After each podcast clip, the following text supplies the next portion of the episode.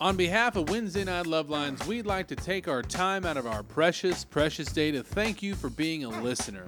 And also, tell your friends, your family, your grandma, your grandpa. They're the ones that are really going to appreciate it. We got all the love eyes for them they could ever need. Please, we need your likes on Facebook. Uh, we need your likes on Instagram and also subscriptions and listen to our podcast and share the love. Spread it. It's for shock value and or not shock value. I don't know. If you take us seriously, you may have an actual mental condition, but that's okay. I'm not here to judge. I'm here to do a show, and you're here to listen.